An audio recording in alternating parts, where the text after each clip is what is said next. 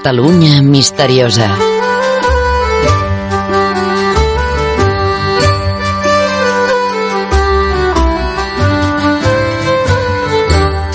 Uns, un grup de, de persones i una cultura i, i un coneixement ocult que forma part de la Catalunya misteriosa són els càtars, ja ho sabeu. Occitània era Catalunya també, però és que a més a més, quan van desaparèixer, tot el Pirineu estava farcit de càtars i van arribar fins a Morella, o sigui, més avall del, del riu Sènia, eh, del, riu, del riu Ebre. Eh, avui anem a parlar del, del camí dels càtars a Catalunya, a la Catalunya misteriosa. I tenim entre nosaltres a un escriptor, l'Ignasi Puig, que ha fet fins i tot un llibre que es diu El camí dels càtars a Catalunya. El darrer castell dels càtars l'ha trobat ell, a Bellcaire de l'Empordà. No Bellcaire, d'Urgell, sinó el de l'Empordà. De tot això en parlem ara de, amb l'Ignasi Puig. Bona nit, Ignasi. Hola, bona nit a tots. Tu no pares, eh? No, és que som, vivim temps molt importants, eh, són decisius i crec que quan abans recuperem els nostres orígens i els autèntics, no el que han dit de nosaltres i no hem cri- escrit encara la nostra història, crec que ara és el moment precisament per, per fer-ho, per evidenciar d'on venim i a on volem anar. Sí, jo també crec que va haver un moment que la història estava clara, a l'època del Jaume I i, i, tot, i Ramon Berenguer, bueno, tota aquesta gent, després dels Reis Catòlics, la cosa s'ha anat relaxant i deixant, fins a l'extrem que els primers gravats i els més antics, els originals que pots veure al Museu Britànic o al Museu del Vaticà i per Amèrica, de les naus i que arriben a, a, a Amèrica amb Colón amb les quatre barres, tu. Es veuen en els mapes mundis. I ara van, ho van canviar per, per una cosa espanyola. eh. Sí, es veu que els sensors de la península no van ser tan efectius i no van arribar als països estrangers, per dir-ho així, que sí van guardar aquest tipus de llibres, que eren miniatures i miniats, i per tant aquí és qüestió de descobrir doncs, la- l'autenticitat de que Colom era català i que tenia uns coneixements que ens venen de molt antic, diguéssim. Jo he arribat a veure el mateix dibuix amb la versió original i la versió espanyola i aquí l'únic que canvia és el color de la bandera, de la senyera, que és l'espanyola, bueno, no, és- no és l'espanyola, sinó foten a Navarra, foten a Euskadi, foten a Granada, foten a Catalunya, saps aquell, aquell conglomerat de coses rares? O la creu de Sant Jordi, bueno, no, no sé si és de Sant Jordi o no, que ja creu que surt a les caravel·les, però és la creu paté. Mm, jo diria que no, eh? Quina creu és aquella? Mm, podria ser relacionat amb el món dels càtars, això, i del, dels jueus. Aquí entraríem en aquest tema que, que has comentat de, del nostre llegat eh, del cat, dels càtars, no? perquè evidentment quan els són perseguits de França venen tots cap a Catalunya. De totes maneres, doncs, a, a Amèrica mm, va haver un, un inici d'intentar recuperar la, la Catalunya independent a través d'Amèrica, no? i que al final això va, va, va sortir malament eh, els nobles d'aquí Barcelona, eh, encapçalats per Colom i altres que van sortir de, Sant, de, de Pals, diguéssim, d'aquí de, de l'Empordà, doncs tenien una idea molt clara de recuperar el que hi havia estat sempre. I això, el nostre origen ja ve dels druides ibers, passa per llegat dels càtars i després posteriorment es va diluint fins als nostres dies. La bandera que tu deies, precisament els l'han copiat d'Espanya, o sigui, ve de la bandera catalana, simplement simplificada. La bandera catalana havia estat a vegades de, de, cinc, de cinc pals, de quatre, i ve de, dels ibers, o sigui, moltes de les ceràmiques que són grogues a línies vermelles, l'origen autèntic de la nostra bandera que recuperen quan els nostres nobles de comtats, els, els comtes de Barcelona i els d'Empúries, etc, recuperen aquest tipus de bandera. La, la de comtes d'Empúries, que de, fet és el comtat del Grial, on està realment la font del Grial i, i el secret d'aquest xacre important a nivell planetari, doncs són unes barres catalanes en sentit contrari. Bé, aleshores et deia que això que es va mantenir, la cultura nostra, la nostra història, després es va diluir, i després, bueno, tot el que va venir després, a- a- hasta fi- fins al fascisme, va desaparèixer, i ara tornem a recuperar gràcies a gent com tu. Hi ha una profecia, hi han dos que s'han complert, de les tres. Profecies càtars. Sí, sí, Ah, sí. Comença. A veure, quan van fer la profecia els càtars? Aquí, La profecia càtar, càtara eh, va ser quan ja arribava l'últim moment, quan ja perseguits estaven al 1244, Mil? 1244 al castell Després de de Montsegur. Montsegur, sí. Però, mm, de fet, se fa com una escenografia. Hi ha uns quants càtars que són cremats allà, lògicament, però abans ja han posat a bon recaudo, o sigui, a, bon eh, secret eh, lloc, els tresors dels càtars. I en aquest cas, Que va ser aquests tres eh, escaladors, el Jo Per, crec que seria- el per, això per és- Bonet i... Això és la, la llegenda. Tres és com la tríada dels druides que hi havia, eh, Oba- Obate, Bardo i, i druida. En aquest cas, els tres, diguéssim, dels càtars, que també hi ha una tríada dels càtars, que són, doncs, creient, eh, mm, després també hi ha el perfecte, que és com a màxim grau, i després el, el consolat, que és el, el grau entremig. No?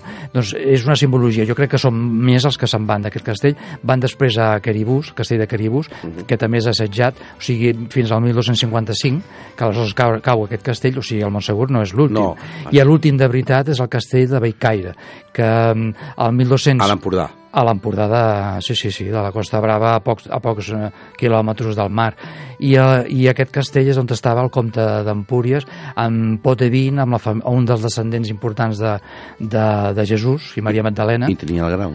i tenia el Graal i el tresor càtars, que podria ser d'algunes dels objectes que ja parlarem més endavant. Aleshores van fer una profecia, tres profecies, Tres profecies mm, molt importants que, mm, segons com ho veig jo, ja estan complertes i que correspondrien a que després de 16 anys, 700 anys, el llaurell reverderà.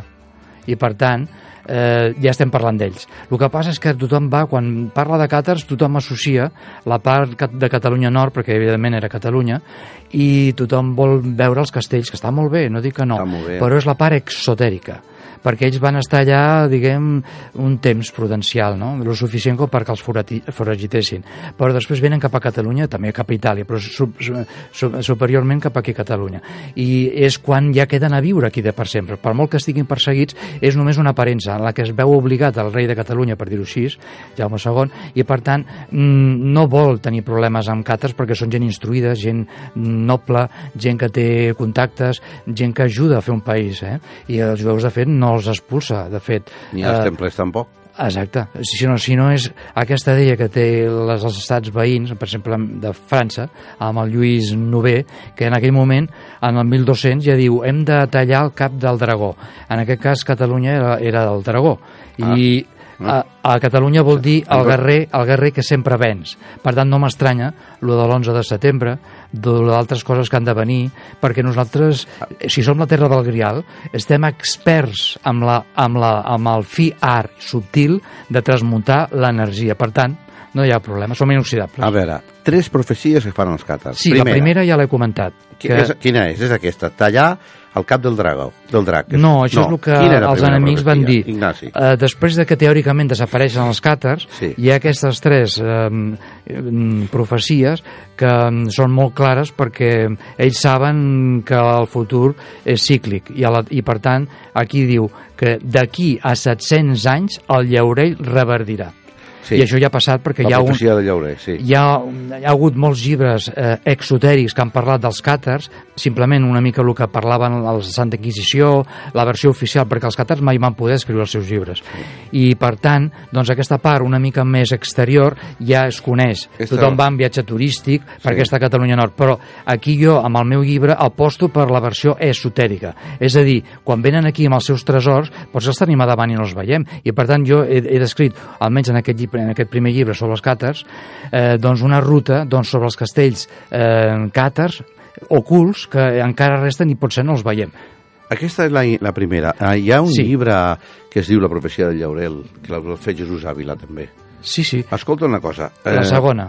La segona. Una profecia és una mica més llargueta. Què diu? Te la llegeixo textual. En síntesi, què vol? Els Què pobles s'alçaran contra el, els pobles, els regnes contra els regnes, i serà la guerra de tots contra tots. Això és el que està passant ara. Vindrà un rei de la raça dels de- reis d'Aragó, Catalunya aragonesa, eh, que donarà de menjar el seu cavall sobre l'altar de Roma. L'església romana serà rebaixada i l'església càtera i els seus ministres honorats arreu. És a dir, el que està passant ara la guerra... És un caos total de religió, que tot perden els valors, Sí. però aquest valor iniciàtic, el valor del, del soterisme, el valor de trobar la certa veritat, perquè tot és relatiu, i el, el buscar aquests orígens, això ja està passant, de recuperar el, aquests castells, per exemple el de Beicaire, hi ha una tradició molt maca que es fa una vegada a l'any, de, la, de una, una cosa una mica teatral, però de la recuperació de la, de la senyera, de la, de la bandera.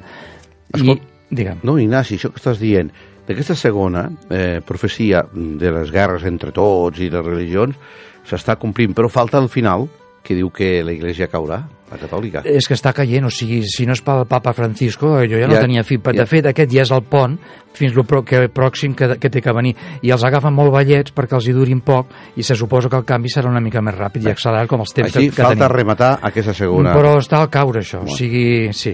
I que ja, de Parla fet, de, de la tercera. la Ignasi. tercera, la tercera seria una una mica més clara i que és d'esperança. Diu, aquest, aquest món serà de justícia divina i tot tornarà al seu ordre primordial.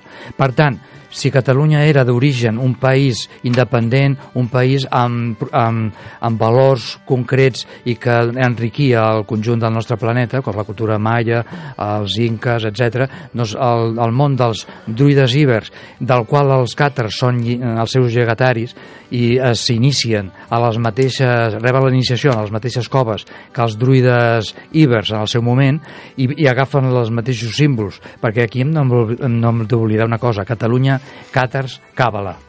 O sigui, tot això no s'ha parlat excessivament. Doncs clar, també tenen un, un component de- d'Egipte de, molt important, perquè la càbala ve de, de, de l'Egipte antic, Aleshores tenim la tercera que no s'ha complert, que és la, el el retorn de justícia divina del que recuperar el nostre estat eh, tal com eren independents i, i aportant una veu i vot a un, un dret de la consciència col·lectiva des d'aquí podríem tenir una tribuna molt important a nivell eh, internacional cosa que ara no tenim, estem acallats de... Bé, eh, ja hem fet, amic, un, Sí. Un incís sobre les profecies. Ara anem a parlar del camí dels càtars a Catalunya, que és el motiu eh, d'aquesta entrevista. Qui, aquest camí és el que ve des de Montsegur, eh, per Berga? Sí, és Parla que aquest ja se sap.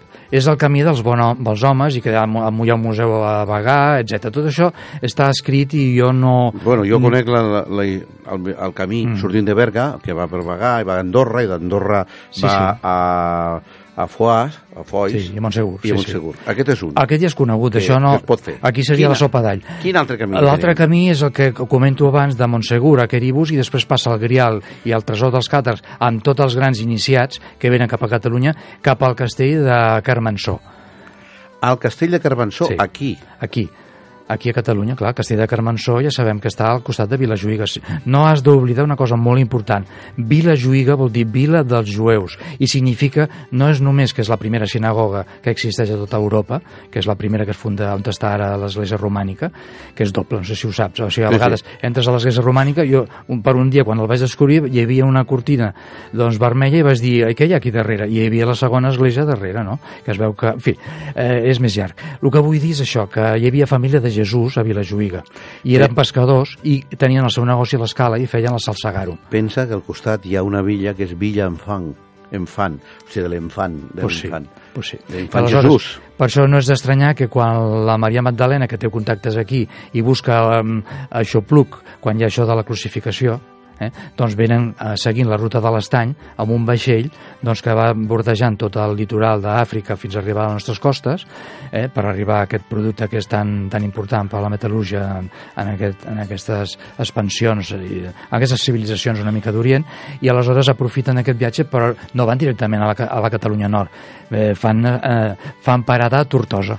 Però això és una altra història. Va, anem a la deixa de Tortosa, l'independent i lliure, eh, que, apro- que apro- parlem d'allà també dels templers. A veure, el, aleshores tenim que hi ha un viatge que va des de Montsegur a Queribús i de Queribús a Bellcaire. Eh, de d'Empordà, exacte. De l'Empordà. Sí, sí.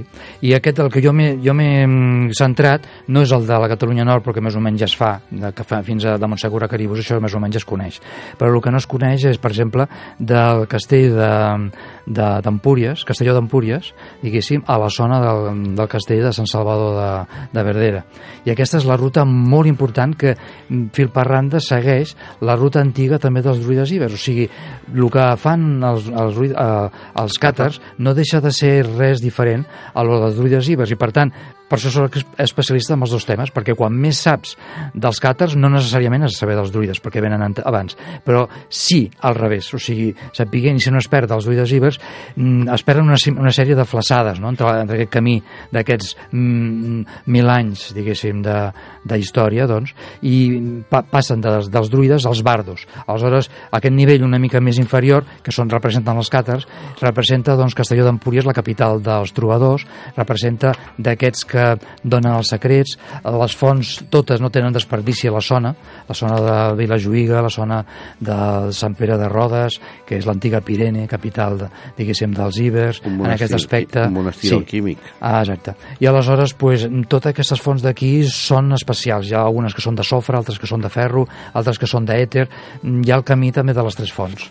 D'allà, de Sant Pere de Ribes, va sortir a l'art Sant Pere de català. Rodes. Perdó, Sant Pere de Rodes va sortir a l'art català, catalànic, com es deia? Catalànic. Catalànic, és el que vaig comentar, perquè Alexandre Deulofeu vam tenir...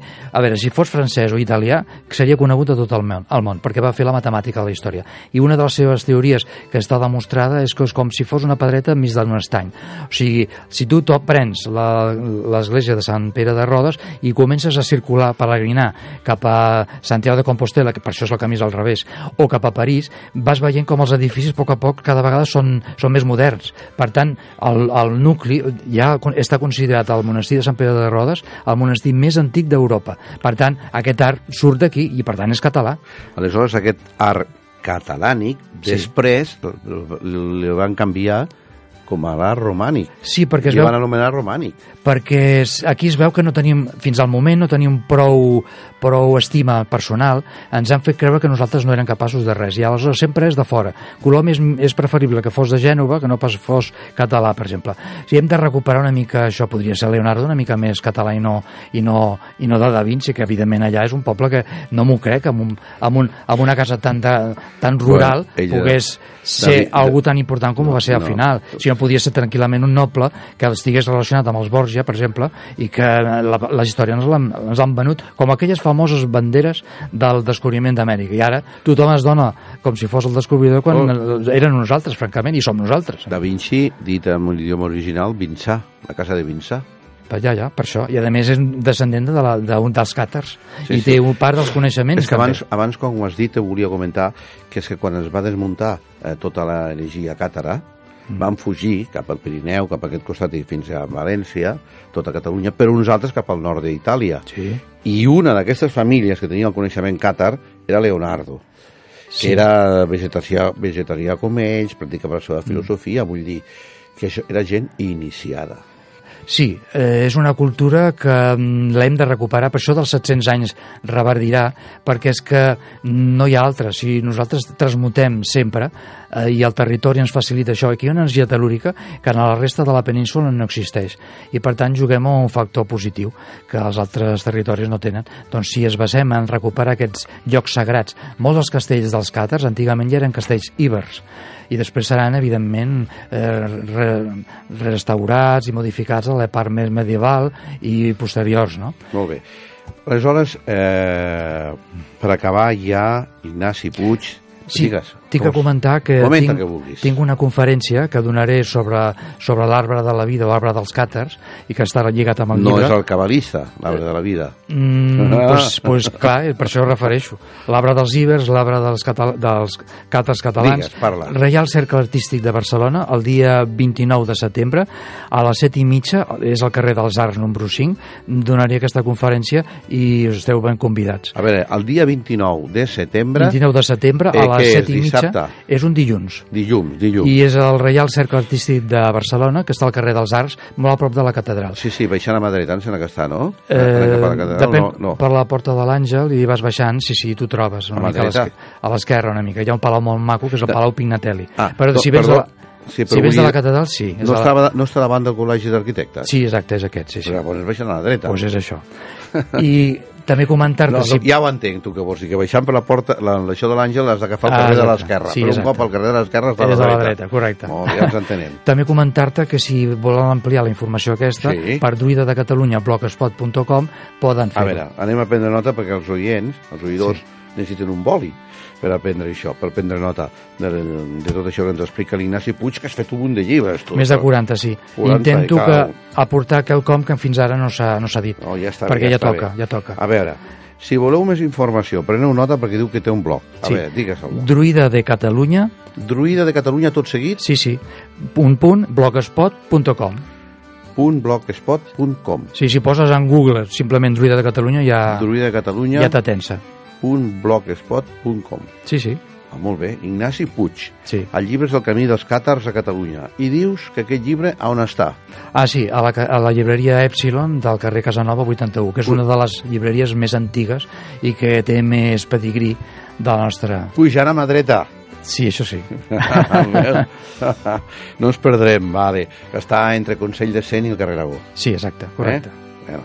Eh, a la resta de catalans que també els interessa el tema, que viuen a Mollerussa, per exemple, o a Bellcaire, a on el poden trobar? Doncs enviant un e-mail a Druida de Catalunya o Druida Iber, ja amb això és suficient. Ja em trobaran, Druida Iber. també. Doncs pues molt bé, Ignasi, tira endavant amb les teves investigacions i esperem que ens portis la propera que et facis. Doncs així ho farem. Que tu no pares mai, eh? No, no s'ha de fer. Vinga, que el misteri t'acompanyi. Sempre, a I la tots. màgia. Sempre, gràcies. Bona nit. Fins aviat. Thank you.